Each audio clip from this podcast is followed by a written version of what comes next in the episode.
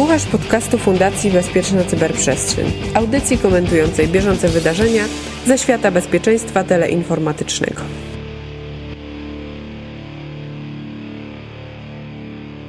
Internet zyskuje na znaczeniu. Za oknem słońce i koron koronawirus, więc spora grupa pracodawców przekonuje się, że zdalna praca ma sens. Dodatkowo wszyscy zaczęli mówić o dbaniu o higienę. Przed Tobą 92 odcinek podcastu CyberCyber, Cyber, w którym o zasadach higieny w nowoczesnych technologii świecie rozmawiają Mirek Maj i Łukasz Jachowicz.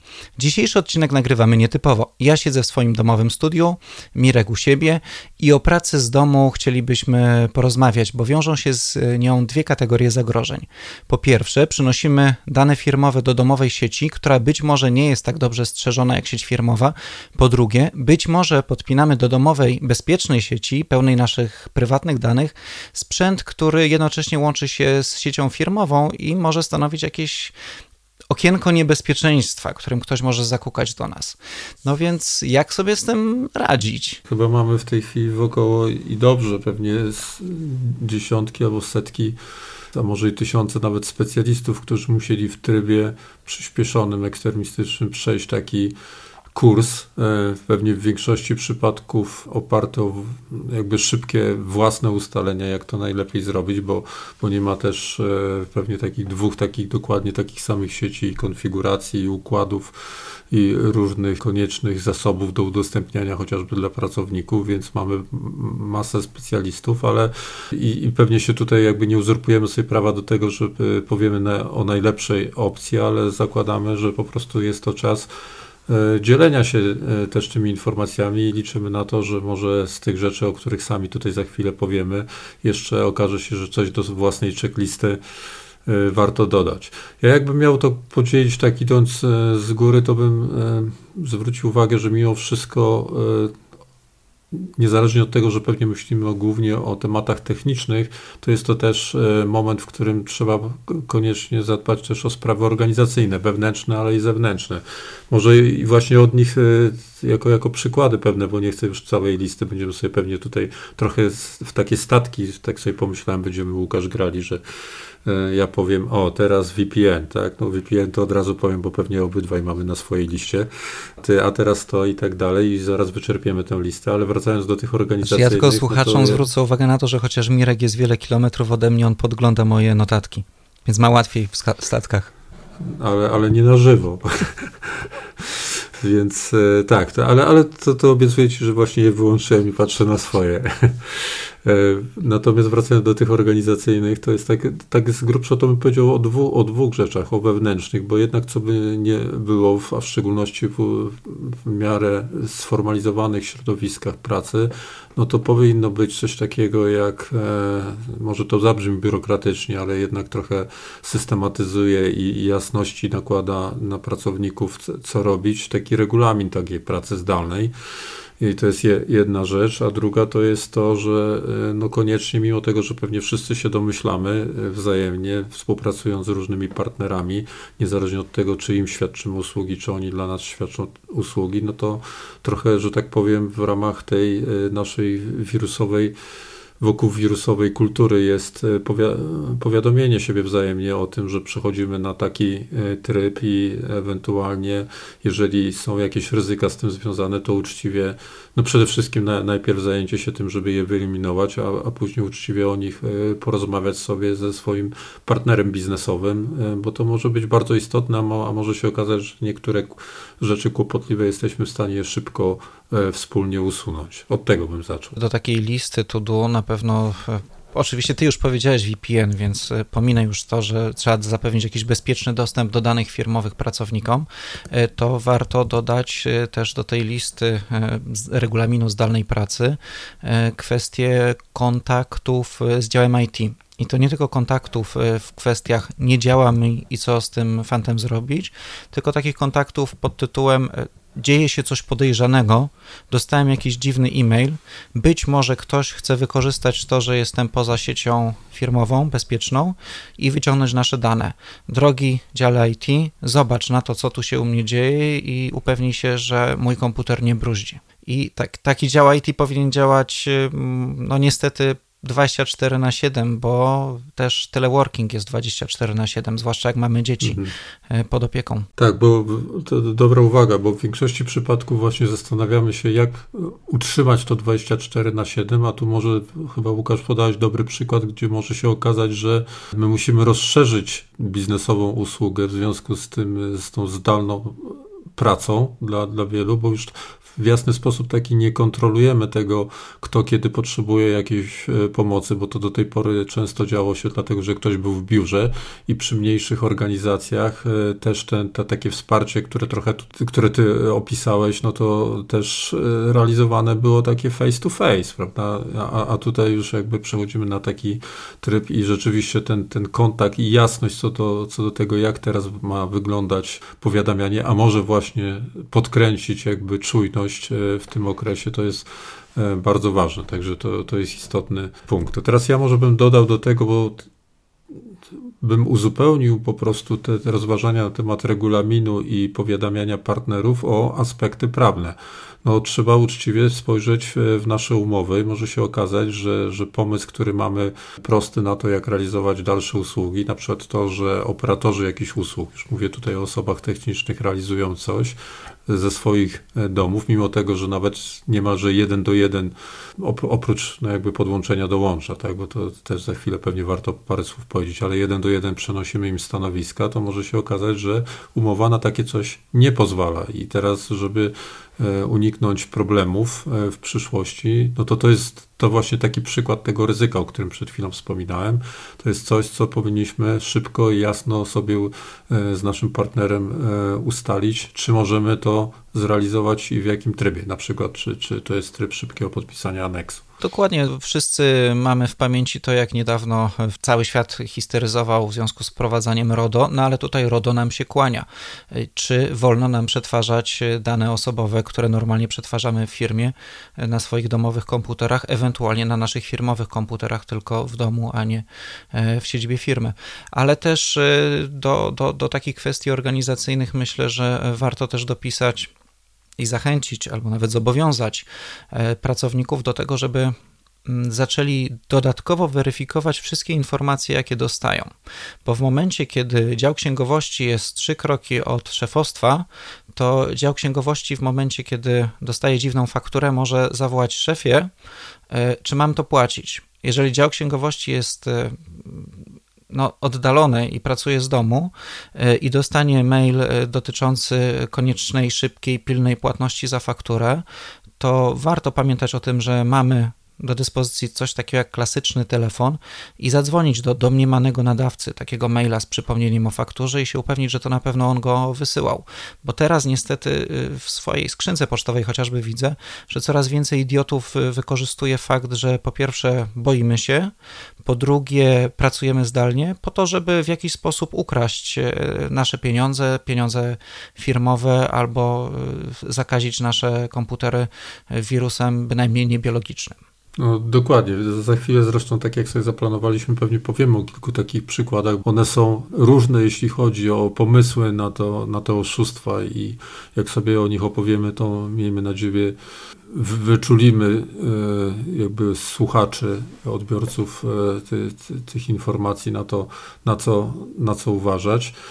E, ja powiem Ci tak, że, że jeden, jak tak się zastanawiałem, jakie tutaj wyzwania te, nas czekają, tak, które się rozpoczęły, to większość, ta, ta praca zdalna to dopiero co się zaczęła pierwszy czy drugi dzień, to sobie pomyślałem, że jeden jest dosyć trudny. Tak sobie pomyślałem, że, że właściwie w momencie, kiedy pozwalamy na przeniesienie tych stanowisk pracy w różne miejsca, to niesamowicie jako ryzyko, to, to mówię, niesamowicie wzrasta nam cały, cały zestaw najróżniejszych urządzeń przede wszystkim i nieraz rozwiązań też software'owych, z których zaczynamy ko korzystać, dlatego że pozwalamy pracowników dołączać się do, do ich routerów, do ich drukarek, do najróżniejszych y, y, sieci i nie mamy tak naprawdę pojęcia, jak to wszystko wygląda, na ile to jest dziurawe, na ile to jest zabezpieczone. No klasyką to jest to jakby prosty przykład, nad którym możemy sobie w miarę zapanować, bo wydać takie, takie rekomendacje, to jest kwestia e, tego, żeby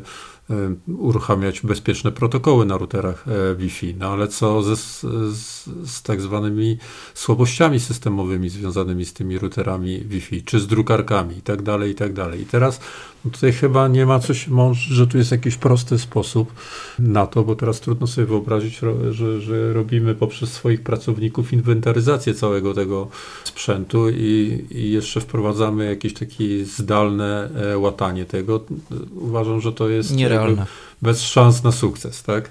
Natomiast to jest ryzyko i dlatego o tym wspominamy, żeby no każdy wziął sobie pod, pod uwagę to ryzyko i adekwatnie przede wszystkim do poziomu zaufania, jaki musi e, dostarczyć dla realizacji tych usług, do, dla tej pracy, którą wykonują poszczególni pracownicy, no coś z tym robił albo nie pozwalał na niektóre rzeczy prawda, na, na przykład dotyczące dostępu do, do zasobów wewnętrznych z takiej, z takiej sieci, bo może się okazać, że, że sam VPN tutaj, którym na samym początku powiedzieliśmy, jest niewystarczający, jeśli nie, nie możemy innych czynników w tym, w tym łańcuchu e, wyeliminować. Ja się właśnie szykując do tego odcinka zastanawiałem, e, co mogą zrobić ci ludzie, którzy są nietechniczni, e, czy, czy też co my techniczni możemy doradzić osobom nietechnicznym, żeby były w stanie to zrobić, zabezpieczyć się w miarę i, i, i, i niestety ciągle mi przychodziły jakieś takie banalne rady, więc zacząłem szukać co robią, jakich rad udzielają profesjonaliści, którzy mają do dyspozycji cały e, sztab mózgów e, przygotowujących takie rekomendacje. No i okazało się, że ENISA, e, Europejska Agencja Zajmująca się Cyberbezpieczeństwem, przygotowała podobny zestaw rekomendacji, nawet trochę krótszy, do tego, o którym ja pomyślałem. Więc y, zdaje się, że nie ma takich y, niebanalnych y, rekomendacji, ponieważ wszystkie bardziej zaawansowane, bardziej ambitne, no, nikt tego nie wdroży, bo nie będzie potrafić. To co, może przejdziemy przez te rekomendacje. Ja je też zebrałem w formie takiego krótkiego tekstu na, na, na serwisy społecznościowe, więc umieścimy odnośnik pod odcinkiem na stronie Fundacji Bezpieczna Cyberprzestrzeń, no ale, ale chyba przelećmy po kolei te najważniejsze. Można przejść, tak jak, tak jak powiedziałeś, to są e, pewien standard, ale warto, warto go powtórzyć. Ja, ja bym tylko y, powiedział, że coś, co chyba jest najbardziej do zagospodarowania y, w tym wszystkim, to jest właśnie ten, to o czym już wspomniałeś. To, to, to jest jakby bardzo dobry pomysł, żeby jakby tutaj wytężyć te, te relacje pomiędzy ludźmi odpowiedzialnymi w organizacji za security i tymi różnymi niepo, niepokojącymi, niepokojącymi użytkowników z, z, sygnałami, żeby oni po prostu maksymalnie zgłaszali. Wtedy na, następuje szybki przepływ raz, a drugie, że ci ludzie od security mają szansę na bieżąco i to też jest głównie chyba zachęta dla nich i porada dla nich, żeby czuli się odpowiedzialni o tym, żeby na bieżąco, bo tu co chwilę może być coś nowego, informowali swoich użytkowników o nowych e, zagrożeniach. To co? Po kolei. Zabezpiecz sieć bezprzewodową i to nie tylko chodzi o to, że sprawdź, czy jest szyfrowana, tylko sprawdź, czy jest e, szyfrowana protokołem e, WPA2 lub WPA3, bo o dziwo niektórzy ciągle e, czasem nie szyfrują, bo tak łatwiej, albo używają bardzo starych routerów z webem. I jeżeli hasło Twojej sieci Wi-Fi, do której za chwilę wepniesz swoje firmowe dane, e, używasz go tak od, od tak dawna i dałeś go je wszystkim sąsiadom, to jednak je zmień. To wydaje mi się dosyć oczywiste e, i to, to jest coś, co rekomenduje Enisa. Ja bym ze swojej strony dorzucił do tego, że większość routerów dzisiaj pozwala założyć kilka sieci Wi-Fi, na przykład dla gości osobną, to ja bym tutaj rekomendował założenie osobnej sieci Wi-Fi dla urządzeń firmowych. Dzięki temu, nawet jeżeli przyniesiemy sobie jakieś świństwo z pracy, to ona nam nie zakazi domowych komputerów i nawet jeżeli nasze dziecko, współmieszkaniec ściągnie jakieś świństwo na domowe komputery, to to świństwo nie zarazi komputerów firmowych, a przez VPN-a być może nie zarazi e, innych komputerów e, firmowych. Druga rzecz to jest, ja bym nawet to zbiorczo potraktował, bo tutaj NISA pisze o aktualizacji antywirusa, w następnym punkcie aktualizacji software'u. Po prostu to jest chyba bardzo dobry moment, żeby przeprowadzić całościowo aktualizację i jakbym miał wrócić na chwilę do tego, do tego swojego niepokoju związanego z rozszerzeniem tych różnych urządzeń, które podlegają e, jakby potencjalnym atakom, to bym może dodał chyba najpewniej, nie wiem czy się Łukasz ze mną zgodzisz, najszybciej bym dodał chyba te routery Wi-Fi. żeby tutaj na, nastąpiła jakaś, jakieś sprawdzenie, sprawdzenie tego, czy one nie są podatne na, na proste ataki. Może nawet jeżeli IT ma chwilę więcej, więcej czasu w tym trudnym momencie, to to jest coś, co może by było warto zaraportować jako jedyne z tego całego zestawu i, i, prze, i dokonać jakiegoś przeglądu, przygotować zestaw e, linków na przykład do, do patchy dla poszczególnych urządzeń dla pracowników. No tak, kłopot polega na tym, że coraz więcej urządzeń jest niezaktualizowanych i producenci je porzucili, więc e, co, wyślesz każdego pracownika no tak. do, do tego, więc ja raczej e, przyjmuję filozofię, jeżeli pracujesz z domu, to traktuj ten dom jako kawiarenkę internetową, czyli całe środowisko traktuję jako niezaufane i, e, i, i, i po prostu no, jeżeli firma ma budżet i jest w stanie dać każdemu pracownikowi laptopa, to ten laptop powinien być skonfigurowany tak, żeby w momencie podłączenia do sieci domowej traktował ją jako sieć niezaufaną, miał powłączane wszystkie firewall, nie próbował się łączyć po lanie z niczym i nie pozwalał na łączność z lanu do siebie. I wtedy jesteśmy w miarę, w miarę bezpieczni. Y, więc, y, no, no, bo ja nie wierzę w to, że po, poaktualizujemy routery Wi-Fi.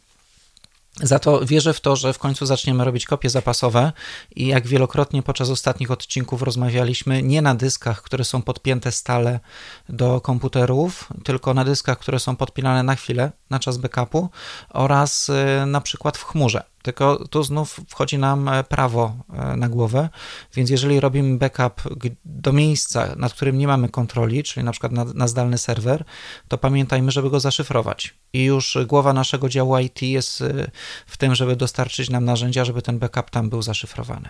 Ciągle musimy też pamiętać, że niektórzy ciągle pracują z, z miejsc publicznych bo nie wszystkie miejsca się zamknęły. Są jakieś miejsca, gdzie jest, nie wiem, hotele, niektóre działają.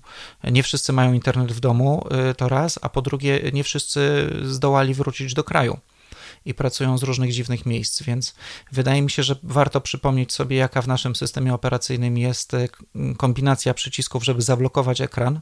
Jak odchodzimy do komputera chociażby na chwilę, to blokujemy ten ekran, żeby A, ktoś obcy się do niego nie dostał, B, jeżeli jesteśmy w domu, żeby nasze dziecko nie wpadło na pomysł, że skoro poszliśmy do kuchni, to sobie można wejść na dziwne strony i, i zainfekować tenże komputer przypadkiem. Tak. Potraktujmy to jako, jako odpowiednik tego, tego higienicznego mycia e, rąk, bo e, tutaj nie tylko takie rzeczy, że ktoś niechcący coś może zrobić, ale może, gdyby e, trzeba by było później przeanalizować, czego nikomu nie życzymy, jakieś aspekty prawne związane z przykrą sytuacją, to mogłoby być jedno jakby z pierwszych pytań i prób ustaleń tego, czy taka, taka dobra praktyka została za, zachowana, że jednak jesteśmy w środowisku osób, niezależnie od tego, to, to nikogo z strony prawnej może nie interesować, że mamy tu, jesteśmy w środowisku rodzinnym, po prostu są to osoby wokół nas, y, które są nieuprawnione do dostępu do informacji E, firmowej do informacji naszych e, klientów e, albo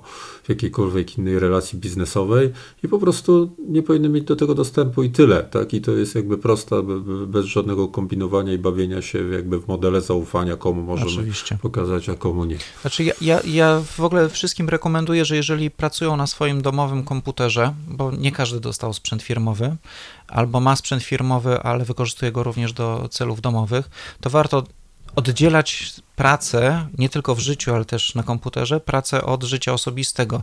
I osobno, osobne konto użytkownika do rzeczy pracowych, osobne konto użytkownika do rzeczy domowych. Wtedy y, zmniejszamy ryzyko, że bawiąc się w, czasach prywa- w czasie prywatnym albo nasze dzieci, bawiąc się naszym komputerem, popsują coś w tej części firmowej, y, wyeksportują dane z części firmowej do, do tej kawałka internetu, do których te dane nie powinny być wyeksportowane. Oczywiście najlepiej było mieć osobny sprzęt, ale rozumiemy, że nie zawsze się da.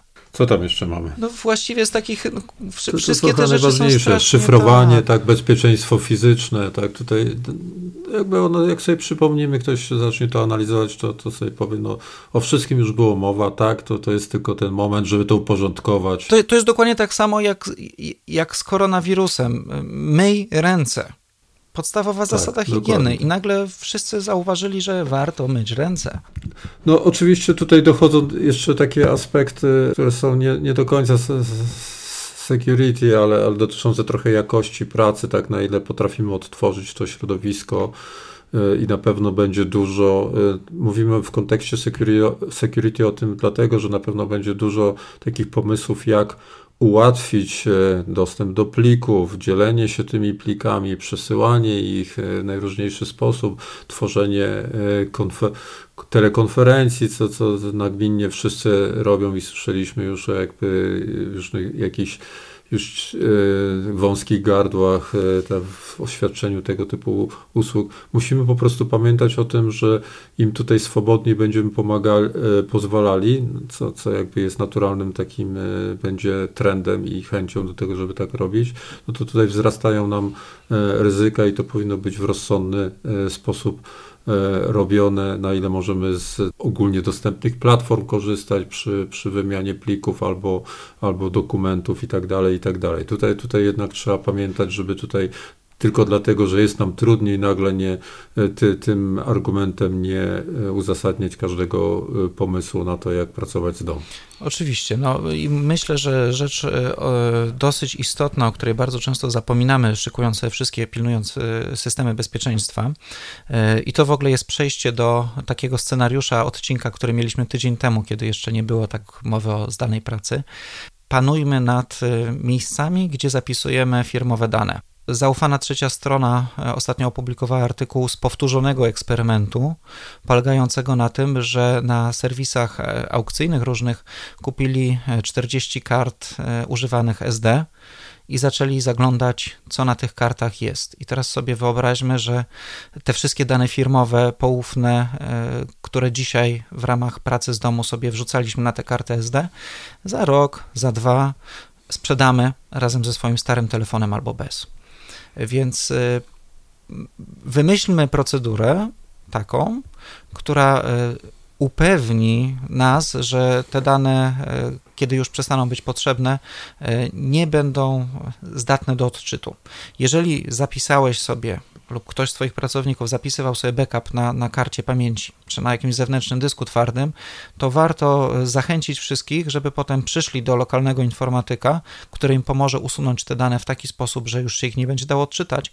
Ewentualnie powie: No, sorry, z tego nośnika się nie da, zniszcz nośnik, wyrzuć go, a nie próbuj go przypadkiem sprzedawać. W większości mówimy tutaj o przypadkach nośników, które już przysłowiowe grosze niemalże e, kosztują, a już na pewno w stosunku do danych, które na nich były e, przetwarzane, więc tutaj nie powinniśmy się specjalnie tutaj tym przejmować, jeśli byśmy chcieli po prostu to zniszczyć, aczkolwiek może się okazać, że profesjonalne, że tak się wyrażę, zniszczenie tego to wcale nie jest takie proste, bo nie każdy ma e, obok siebie piec, piec induk, indukcyjny, tak, gdzie mógłby Kuchenka e, to zrobić, więc, więc tak, albo, no tak, to, no. To, to, to, już prościej, ale takie eksperymenty trzeba, trzeba było uważać. Nie, nie, ja tutaj tak, nie róbcie Łukasz, tego w domu. nie przyłączam do twojej porady. W razie czego, to proszę odsłuchać ten fragment, jakby co, a ty Łukasz nie wycinaj, bo ty będziesz składał ten podcast. Na, natomiast rzeczywiście ta porada twoja, żeby pójść do informatyka, który powinien wiedzieć, co z tym zrobić, na przykład użyć profesjonalnego oprogramowania do usunięcia tych danych, to, to już jest najlepsze rozwiązanie. No, tak powiem, przytłacz przytłaczające te informacje, patrząc na ten e, artykuł, o którym wspomniałeś, jakie dane są dostępne.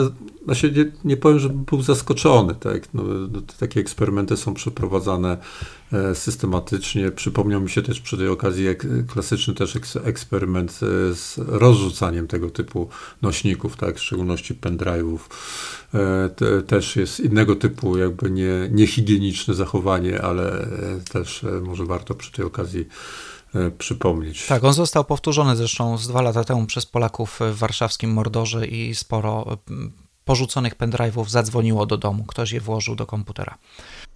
No tak, no tu może być połączony taki miecz hybrydowy, a tak, tak podłączony, podłączony pendrive może y, nie tylko że tak powiem, coś tam wgrać, ale również wgrać i przesłać, prawda? Tak. Także to efekt może być dokładnie ten sam, tylko nie nawet użytk, a nawet większy, tylko użytkownik nie musi się bawić tak jak tutaj w tym artykule w staranne odzyskiwanie tych danych, tylko po prostu pobranie tych danych i przesłanie tych danych. Tak, w ogóle to było niesamowite, jak oni kupili 40 nośników, z czego dwa były zepsute. Z 30 e, takich, które dobrze działały, 8 było zupełnie czystych, bo były nowe, więc zostało nam 30 i z tych 30 nośników tylko 19 miało pokasowane dane. W sensie ktoś próbował skasować dane, skasować pliki, dało mhm. się je odzyskać, ale to już inna sprawa, ale w ogóle ktoś myślał o skasowaniu, a 11 przyszło tak po prostu, w sensie z tymi wszystkimi danymi, tam były jakieś zdjęcia, a w zdjęcia to lokalizacje z GPS, zdjęcia dokumentów, PDF-y, arkusze kalkulacyjne. Urzekła mi opowieść o biznesmenie, którego tam dane firmowe były, ale oprócz tego cała historia zakładek e, z różnymi stronami, nie tylko takimi, na które się wchodzi, kiedy dzieci są w okolicy.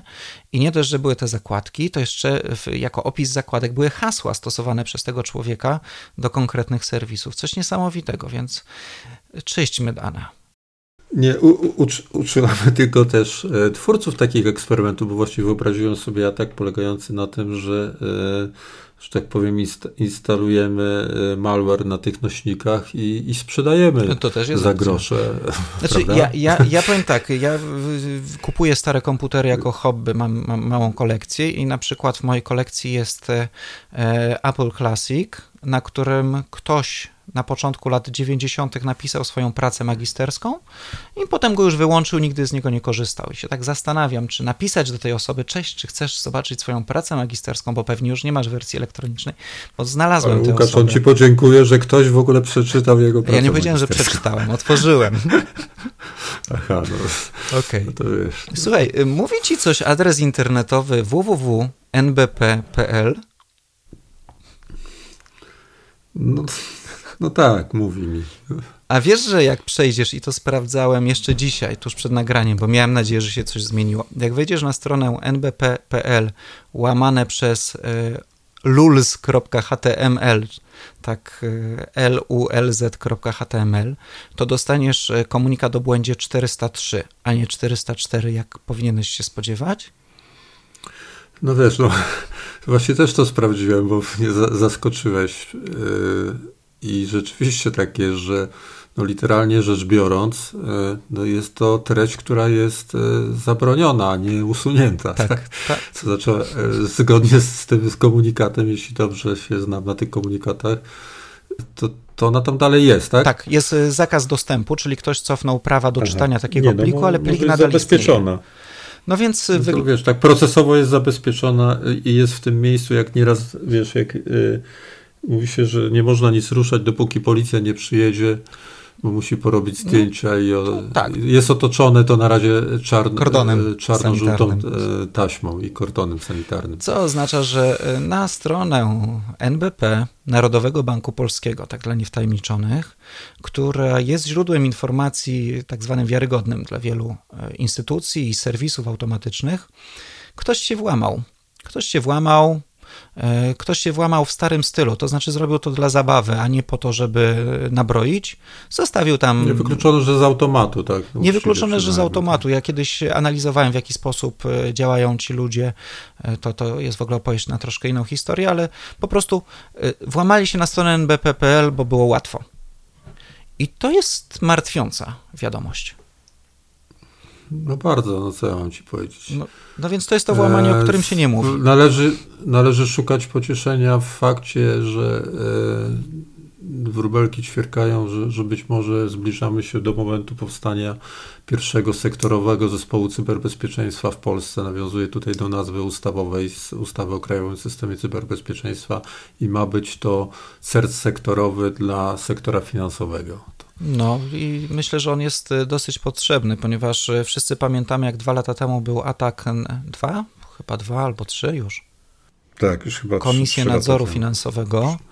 E, I to był atak, który polegał na tym, że zainfekowano jedną z podstron, na którą musiały wchodzić banki po to, żeby, już nie pamiętam, dostarczać informacje lub pobierać informacje i te banki były infekowane. I w momencie, no kiedy... Tak, tak, klasyczny waterholing tak. Klasyczny waterholing tak. Pytanie tylko, czy y, te błędy na stronie NBP-u y, to tylko dowcipni się znaleźli, czy znaleźli też ci, którym naprawdę y, zależy na tym, żeby dostać się do, do, do bezpiecznych systemów. I to mnie martwi, że po pierwsze to nie jest rzecz, o której się mówi, to jest atak, który przeszedł prawie niezauważony, a po drugie, że coś takiego się udało.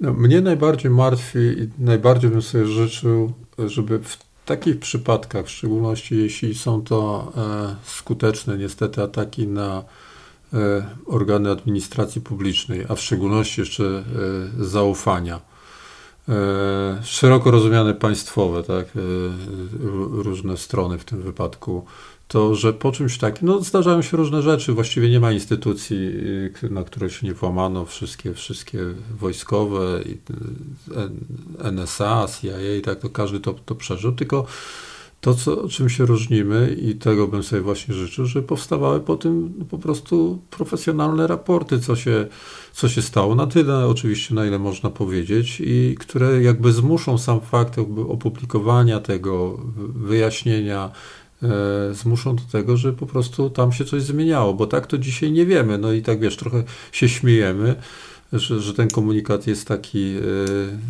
niefrasobliwy, tylko może się śmiemy, a może tak naprawdę jest, że tam ta, ta strona jest, a już nie powiem o, o innych, e, innych stron, znaczy, stronach. Tak? Uczmy się z lotnictwa. Nie szukajmy winnych, ale szukajmy problemu, tak, który dokładnie. doprowadził do katastrofy. Dokładnie.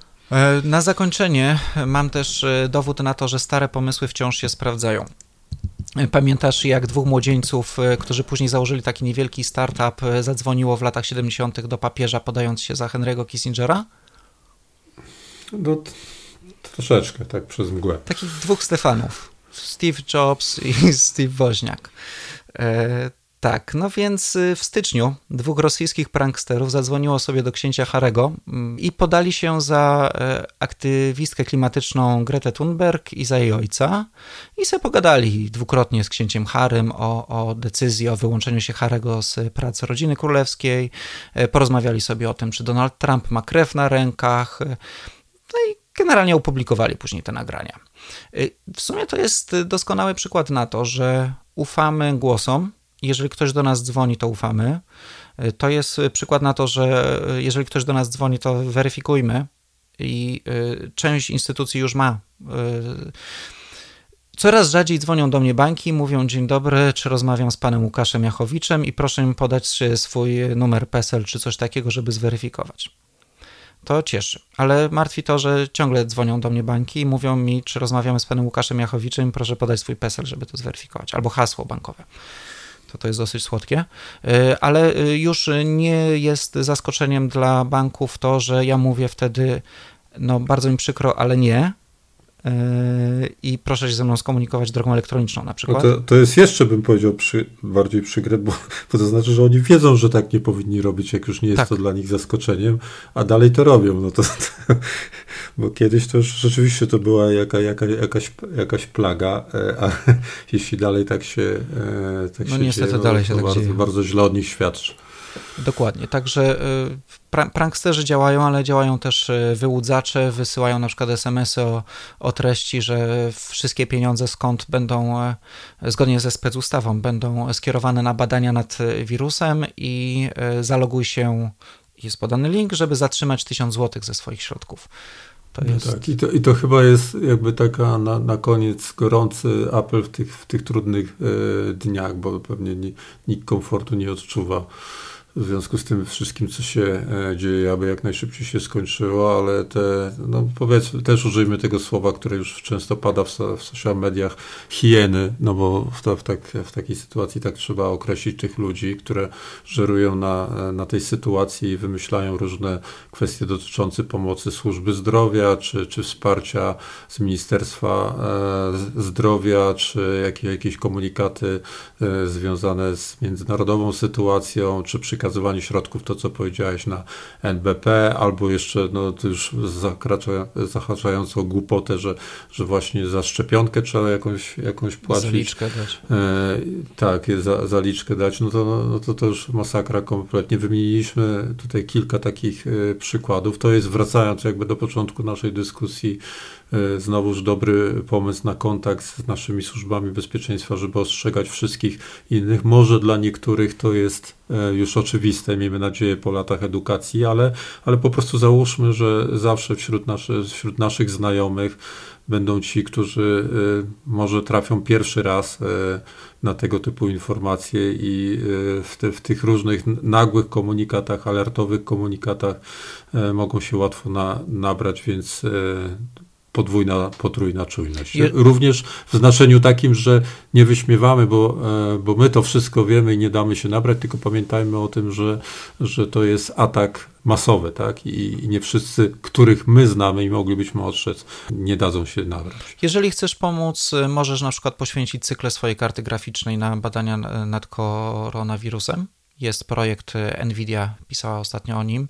E, możesz oczywiście przekazać pieniądze na na przykład respiratory, bo są różne zbiórki publiczne w tej chwili, tylko zweryfikuj je wcześniej, czy aby są na pewno to prawdziwe zbiórki publiczne, a nie hieny, jak to ładnie określiłeś. No i myj ręce. Tak, myj ręce i zo zostań w domu, tak, akcja. Zostań w domu. I to tyle w 92 odcinku podcastu Cyber Cyber. Jeżeli masz teraz za dużo wolnego czasu, zachęcam do sięgnięcia do naszego archiwum, dostępnego na przykład na stronie Fundacji Bezpieczna Cyberprzestrzeń. Żegnają Cię Mirek Maj i Łukasz Jachowicz. Uważajcie na siebie. Cześć. Cześć, dużo zdrowia.